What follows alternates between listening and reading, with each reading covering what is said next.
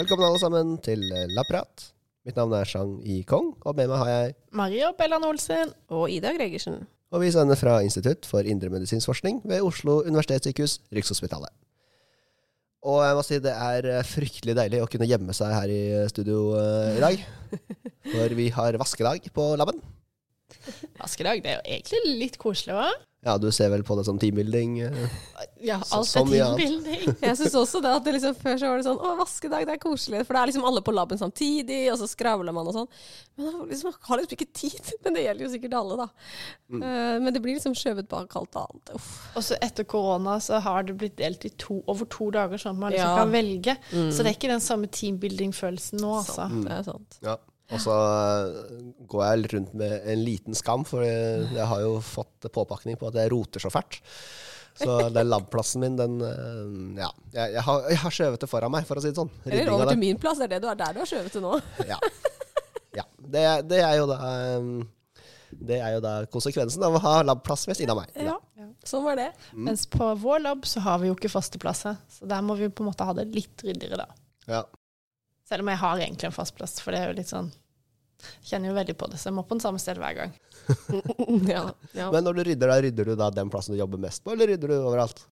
Nei, jeg rydder den plassen først, og så tar jeg de andre tingene. Men du må jo vaske sentrifuger og avtrekksskap, og det er jo diverse ting som skal gjøres. Men du har et sånt eierskapsforhold til den ene plassen din. Det er klart det. Ja. Så mm, har noen tatt den, så får de øya. Så, Det er enda sånn eh, glamorøs del av forskerlivet. At vi Ja. vasker ned labben selv.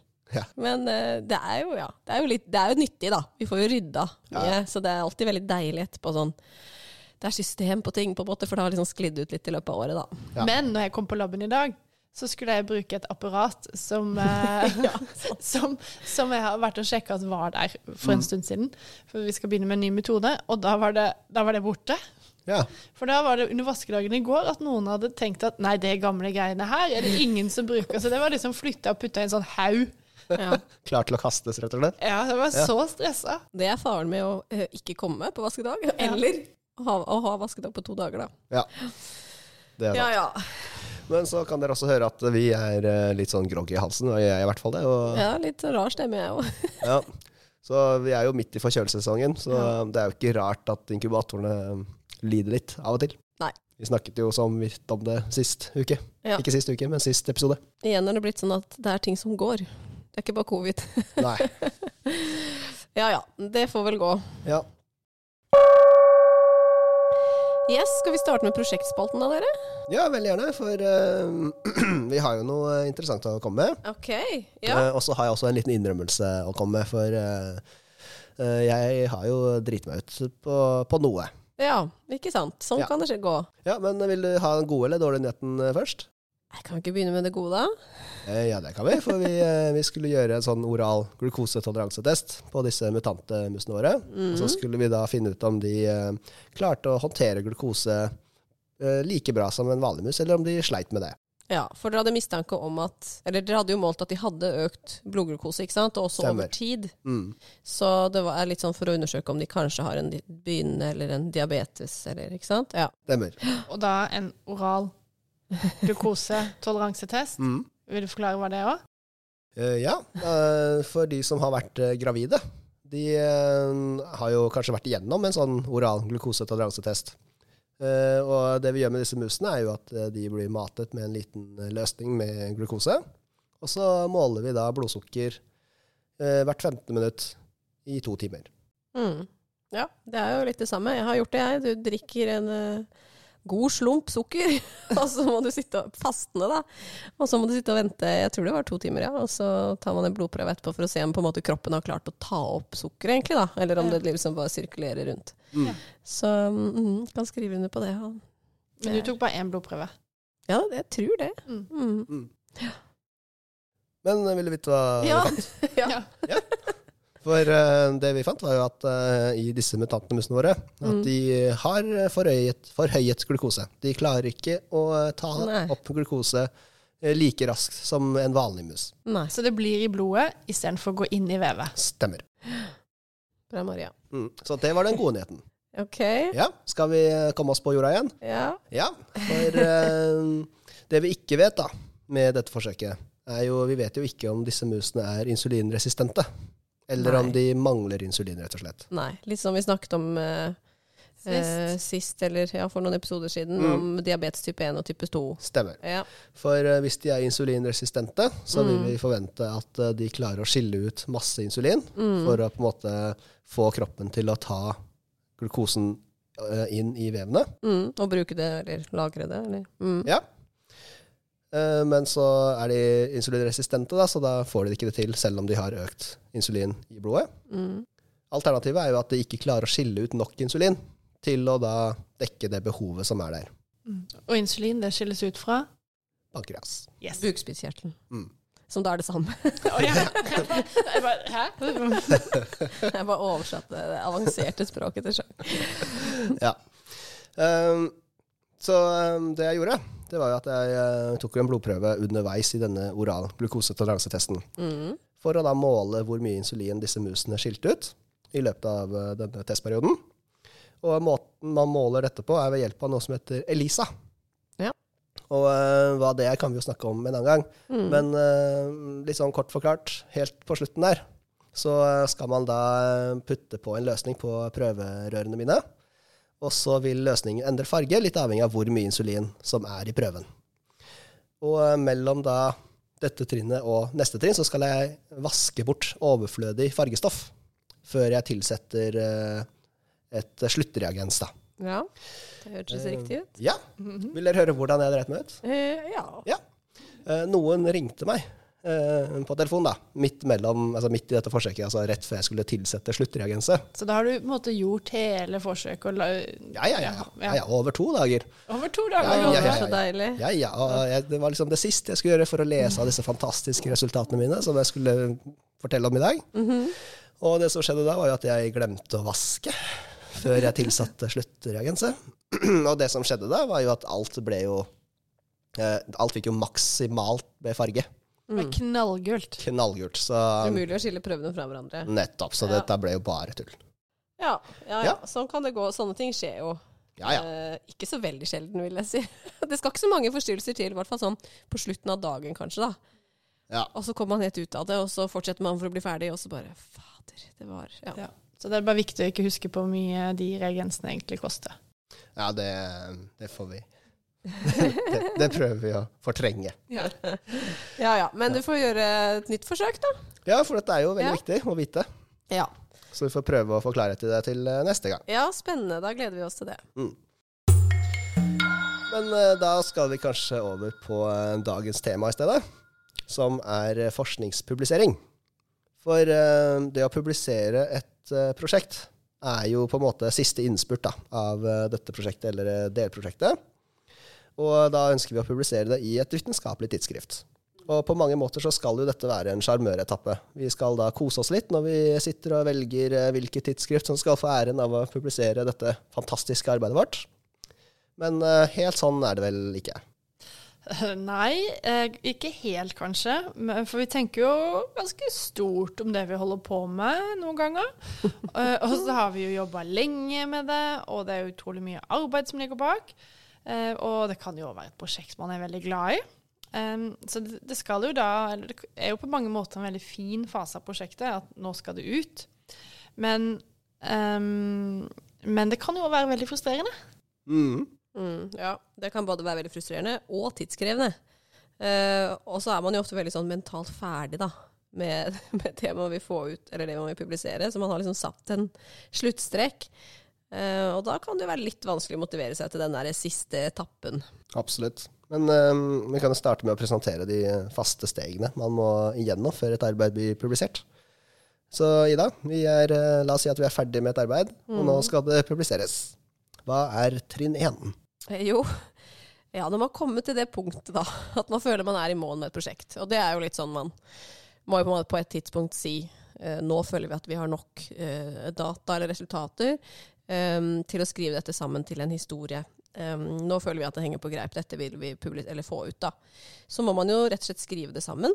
Uh, og alle um, vitenskapelige artikler de følger jo en viss mal, da. Så uh, først så har man ofte en liten oppsummering av bakgrunnen for hvorfor studien er gjort. Altså man forklarer uh, hva som mangler av kunnskap på det feltet, og presenterer da hva vårt arbeid kan bidra med for å fylle de hullene. da.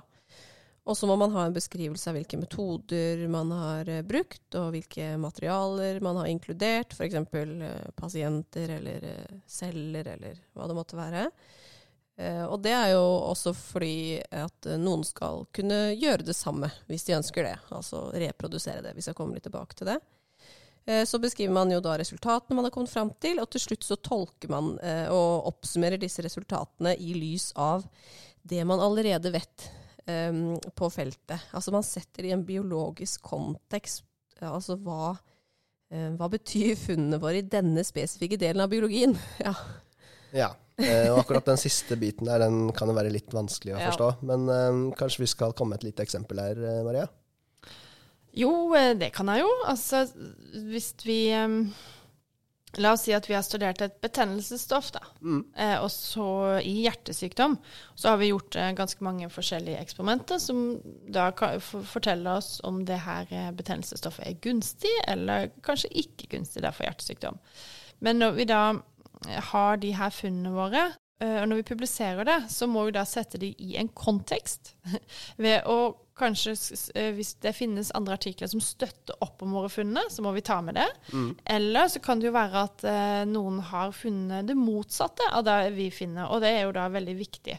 Og alternativt så kan det jo være at det ikke er skrevet noen ting om det her før, altså at det er et helt nytt funn. Mm. Og så er jo sånn, biologien er jo veldig kompleks, så, øh, så det er jo ikke sånn at man liksom nødvendigvis klarer å vise akkurat det samme hvis man f.eks. har litt forskjellige dyremodeller eller celleforsøk eller noe sånt. Så ja, det vil jo påvirke liksom, resultatene, det også. Mm. For det er, det er veldig viktig at uh, alle disse ulike scenarioene blir eh, nevnt, hvis de finnes. Eh, for det er jo ikke alltid sånn at man klarer å reprodusere andres funn, som du sier i dag. Og, eh, men jo flere ganger noen klarer å reprodusere noe, jo mer solide bevis har vi for at noe faktisk er reelt. Er det ikke sånn der? Jo, og det er jo egentlig et veldig viktig poeng på en måte med forskning generelt. At flere må vise det samme, eller lignende funn, da, før noe kan etableres som i en veldig viktig gåsehøyne-sannhet. Um, og da, det er jo ofte noe man hører, ikke sant? det trengs mer forskning på feltet. Eller på den andre siden, her finnes det solid forskning bak noe. Uh, og et eksempel kan jo være f.eks. som uh, nasjonale kostråd. da.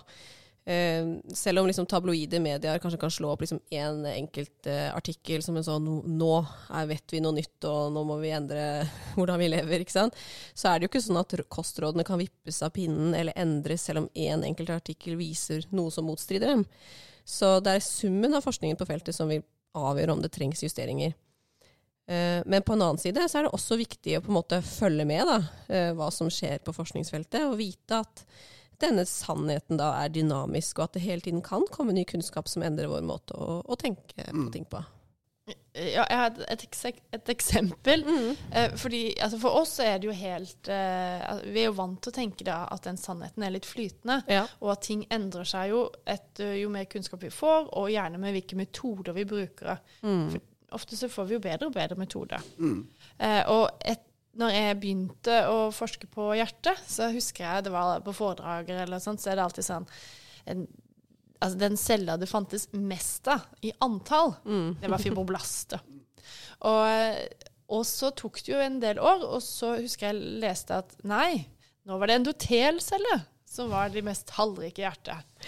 Og Ja. nå i år, tror jeg det var, jeg leste artikkel, nei, det var kardiomyocyttene som var de mest tallrike i hjertet. Og det, at det forandrer seg sånn, det er man jo um, uh, veldig uh, Det er vi vant til å forholde oss til, men typisk sånn i avisa, da, når det står Ja. sånn 'Kaffe er sunt, kaffe er ikke sunt'. Ja, ja, ja. Kaffe er sunt likevel. Altså sånn, det blir folk eh, veldig forvirra av, da. Ja. ja, fordi vi er jo liksom vant til å se på det sånn Vi får jo ikke sånn 'å nei', liksom sånn sjokk nødvendigvis hvis vi leser en artikkel som viser noe som vi eh, trodde var annerledes, eller sånn. Fordi vi vet at for det første vil det avhenge veldig av studiedesign og type liksom, forskning som er gjort.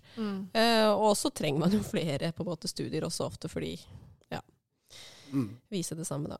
Så i tabloide aviser så hadde det stått f.eks.: Nå har du mest kardiomyocytter i hjertet.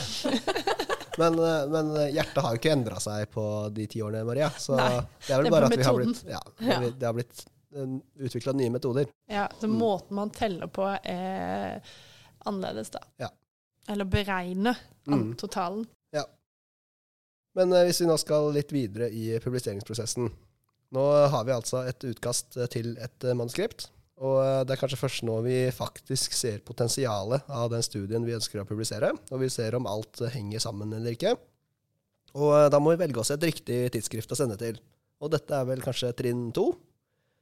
Og vi har jo vært inne på det litt tidligere i en annen episode, men hva betyr det egentlig å velge riktig journal? Altså jo, altså, Forskjellige tidsskrift de kan jo ha litt ulik tematikk. Så en studie om atero- aterosklerose, den vil jo da ik- mest sannsynlig ikke bli akseptert i et tidsskrift som eh, fokuserer på leversykdommer. Så, um, så det er én ting. Og så ønsker vi ofte å publisere i et uh, så bra tidsskrift som mulig. Så altså, de rangeres jo etter hvor mye siteringer de har, eller hvor mye um, folk leser de. Så så, og, og, og vi rangeres jo, vi forskere rangeres jo også på en måte litt på den måten. Så hvis vi klarer å publisere i bra publikasjoner, så får jo vi en bedre CV, på en Ja, ja. Mm. Um, og, og så finnes det noen tidsskrift som er veldig vide i hvilke temaer de, um, de publiserer. Og det kan jo være alt innen biologi eller medisin, og også sånn, er det jo tidsskrift for helt andre fagfelt, sånn innen samfunnsfag og Ja. Mm. pedagogikk og sånt. Så det er mye å velge i, og en del å tenke på.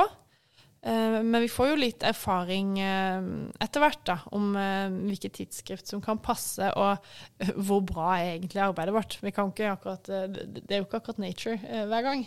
For de som lurer, så er Nature veldig bra, da. Ja. Vi drømmer jo om å få publisere i Nature. Men nå har vi bestemt oss for tidsskrift, og nå starter jo en annen stor jobb. Og det kan vi kanskje kalle trinn, trinn tre. Ja.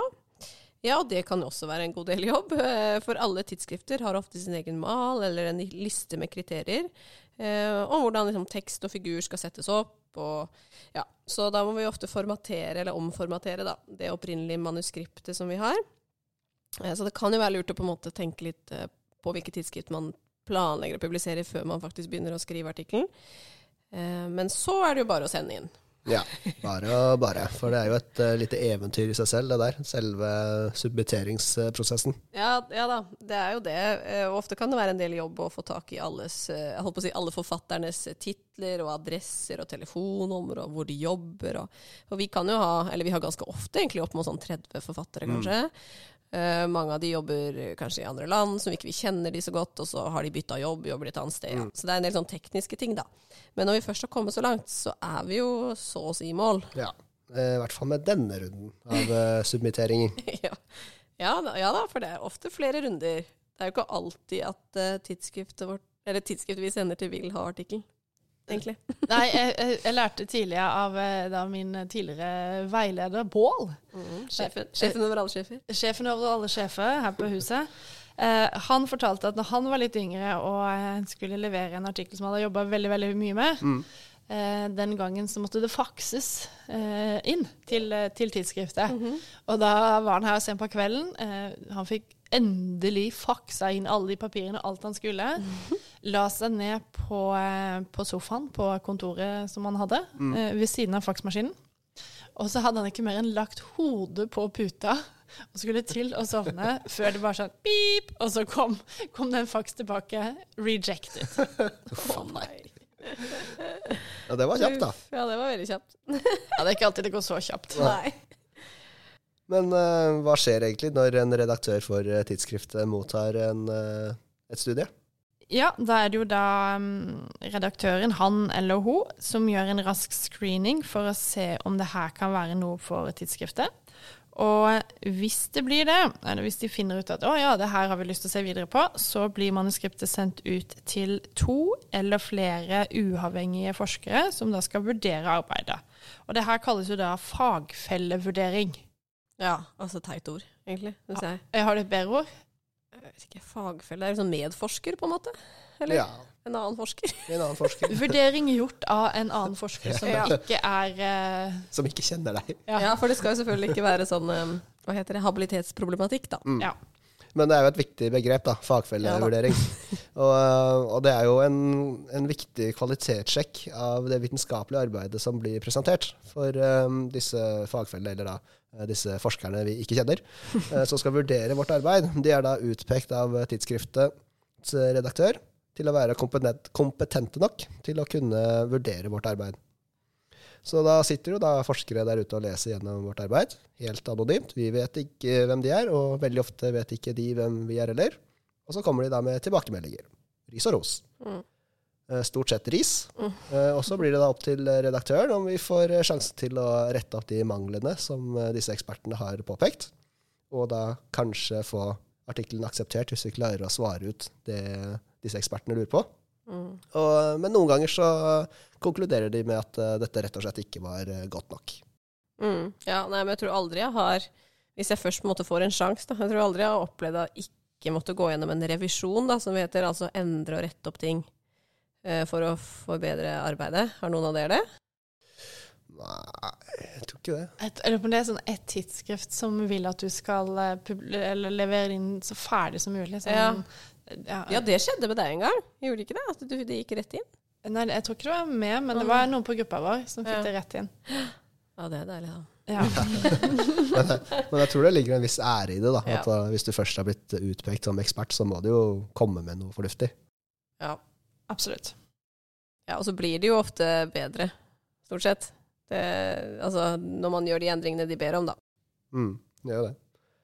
Men uh, la oss si at uh, vi er så uheldige da, at uh, tidsskriftet ikke vil ha arbeidet vårt. Hva gjør vi da? Ja, da er det tilbake til trinn én eller to. Nei, noen ganger så kanskje vi liksom går i oss selv og tenker ok, her kunne vi gjort mer, så endrer vi artikkelen litt før vi sender den inn på nytt. Uh, eller så, egentlig som oftest, så sender vi på en uforandret inn til et nytt tidsskrift. Um, um, som vi tenker kan være passende. Kanskje det som på en måte var neste på lista, da. Mm. Og så ruller ballen videre. Og noen ganger må vi jo sende inn til flere tidsskrift før vi får noen som har lyst til å ha artikkelen vår. Særlig hvis vi da har sikta litt høyt i staten med tanke på rangering, da. Mm. Så jeg tror rekorden min er på syv eller noe sånt på en artikkel. Så ja. Tok sin tid, det. Ja. ja, så prosessen kan være veldig lang, og særlig da hvis man ikke sånn som Pål, da, som får det i retur med en gang. For egentlig er på en måte det litt deilig òg, hvis du først skal få avslag. Eller kanskje ikke, kanskje ikke så raskt, da, men liksom sånn si det tar en uke eller to. Men det kan jo faktisk ta måneder, mm. og så sier de nei takk. Og så, er det, sånn, og så er det på'n igjen. Så det kan jo ta veldig lang tid totalt sett, da. Ja. Men uh, man får jo uh, publisert til slutt, stort sett. Det gjør vi. Og den er alltid opp i en plass. Det er sant. Men uh, helt til slutt. Vi uh, har jo alle hatt gleden av å få lov til å være en som vurderer andres arbeid. Kan uh, vi kanskje helt avslutningsvis komme med et eksempel fra vår egen erfaring om hvordan dette foregår? Ja, du, du Chang, du hadde jo eh, Hadde ikke du for litt siden en litt sånn eh, spesiell eh, revisjon? Ja, begynn du. Ja, vil du høre om det? Ja. jo, for som du, sier, som sier, Maria, for ikke så veldig lenge siden så ble jeg bedt om å vurdere et arbeid som ble sendt inn til et nokså lavt rangert tidsskrift. Og det var da noe som hadde jobbet med aterosklerose i mus. Så mm. tematisk var det jo midt i blinken for meg. Og her hadde da disse forskerne prøvd å behandle aterosklerose med en eller annen form for urtemedisin. Og så var det et eller annet da, med de resultatene de presenterte i, eh, i, opp, oppgaven, i eh, studien sin, som skurra litt. For de hadde da valgt en veldig unødvendig komplisert metode for å gi musene aterosklerose. Mm. Det er alltid et dårlig tegn, da. Ja, når, når ting skurrer. ja, Men, eller når det er veldig unødvendig komplisert. For det er ja. liksom, hvorfor skal man gidde det? Ikke sant. Men uh, tilfeldigvis så bruker vi den samme metoden hos oss, men da kun i noen helt spesielle tilfeller. Og uh, jeg hadde jo da sett hvordan atroskelerose ser ut når vi bruker denne metoden. Og det så ikke ut som det de presenterte i sitt uh, manuskript. Så noe var rart. Og da googla jeg litt. Og eh, det tok ikke veldig lang tid før jeg fant da en helt nøyaktig studie som ble publisert i 2017, eh, altså et par år uh, tidligere. Og de hadde jo da de samme resultatene, pluss da et veldig mye mer eh, og grundigere arbeid. så dette var rett og slett en plagiatstudie, der de med vilje ikke hadde sitert en, og det skulle vise seg da, en veldig kjent studie, Og de hadde kanskje også stjålet noen resultater. Så denne ble ikke publisert.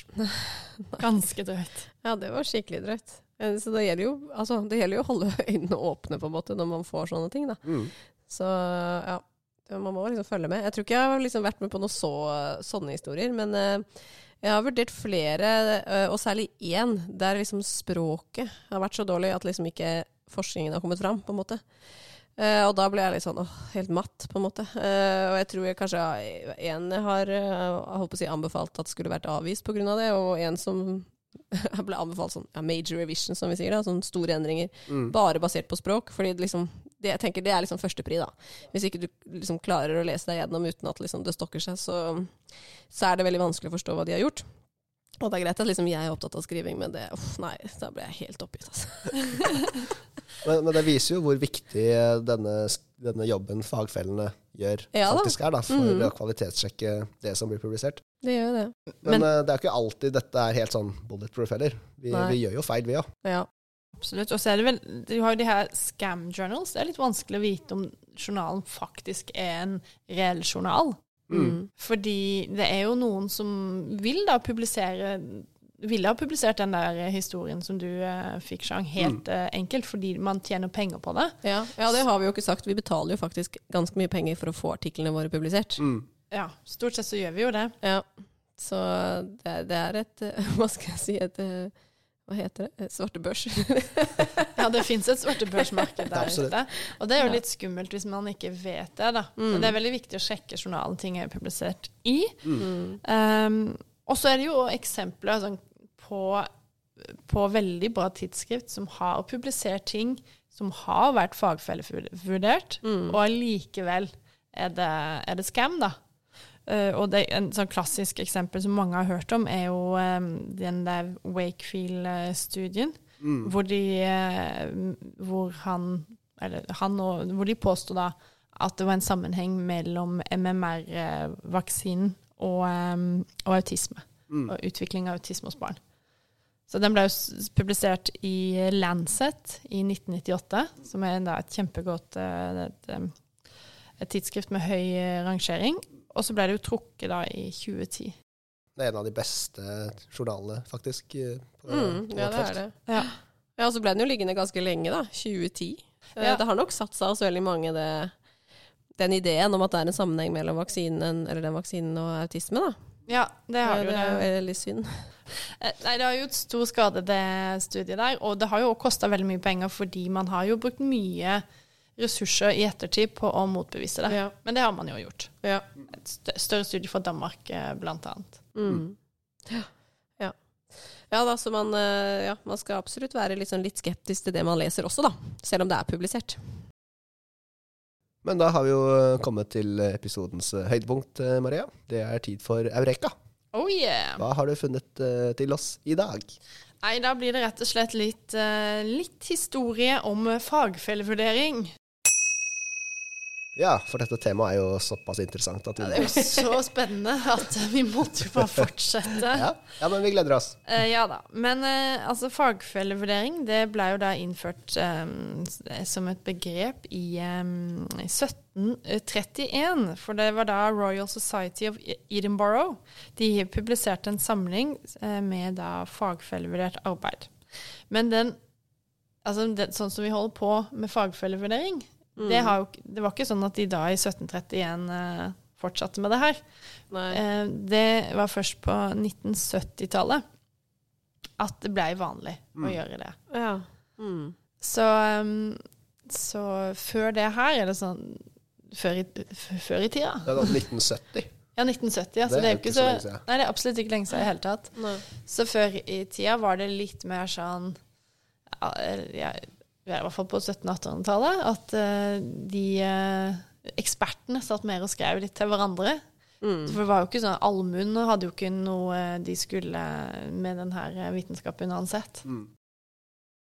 Nei, og, det, nei, og så var det jo ikke liksom noe Mengden har jo eskalert noe voldsomt med internett og altså Antall tidsskrift og antall publikasjoner, og alt er liksom veldig annerledes. da. Antall forskere, kanskje. Antall forskere sikkert, ja. Ja, absolutt. Så eh, da er den, eh, den mest Altså et av de viktigste, en av de viktigste oppdagene i biologi i vårt, eller i forrige århundre, det var jo kanskje oppdagelsen av strukturen av DNA-molekylet. Mm. Når var det igjen? Den ble publisert i 1953 eh, Ja, ja, av- av Watson og Crick og i Nature. Ja. Og det her eh, var jo da før 1970, Mm. eh, så den publikasjonen der, den ble aldri fagfellevurdert. Nei. Det er jo helt absurd. Det er ganske å morsomt å tenke på. Ja, det er litt artig. Men det har jo stått seg, da. Ja, det, det har stått de de hadde jo rett. Absolutt. Ja, eh, men, eh, men den eh, publikasjonen har jo stått seg, og de fikk jo eh, Nobelprisen. Ja. De gjorde det. Mm. Selv om uh, Rosalind Franklin strengt tatt også burde vært med på den der, men det kan uh, Ja, det Det er en annen egen- historie. Ja, det er en annen Ja. historie. Ja, det var det jeg hadde for i dag, Sjang. Ja, men spennende. Jeg har lært noe nytt, jeg. Ja, Tusen takk, Maria. Det var veldig fin, eh, veldig fin rekka, som vanlig. Ikke vel. Og med det så takker vi for oss for denne gang. Vi må bare oppfordre våre lyttere til å følge oss på sosiale medier. Ja, gjør det. Vi er på Twitter og Facebook og Instagram. Og så blir vi veldig glade hvis dere gir oss en eh, rating når dere lytter til vår podkast. Og så får vi kanskje gå på labben og rydde litt, eh, vi da.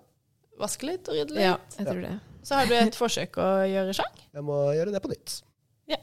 Lykke til! Så vi stikker på labben, og så høres vi. Det gjør vi. Ha det.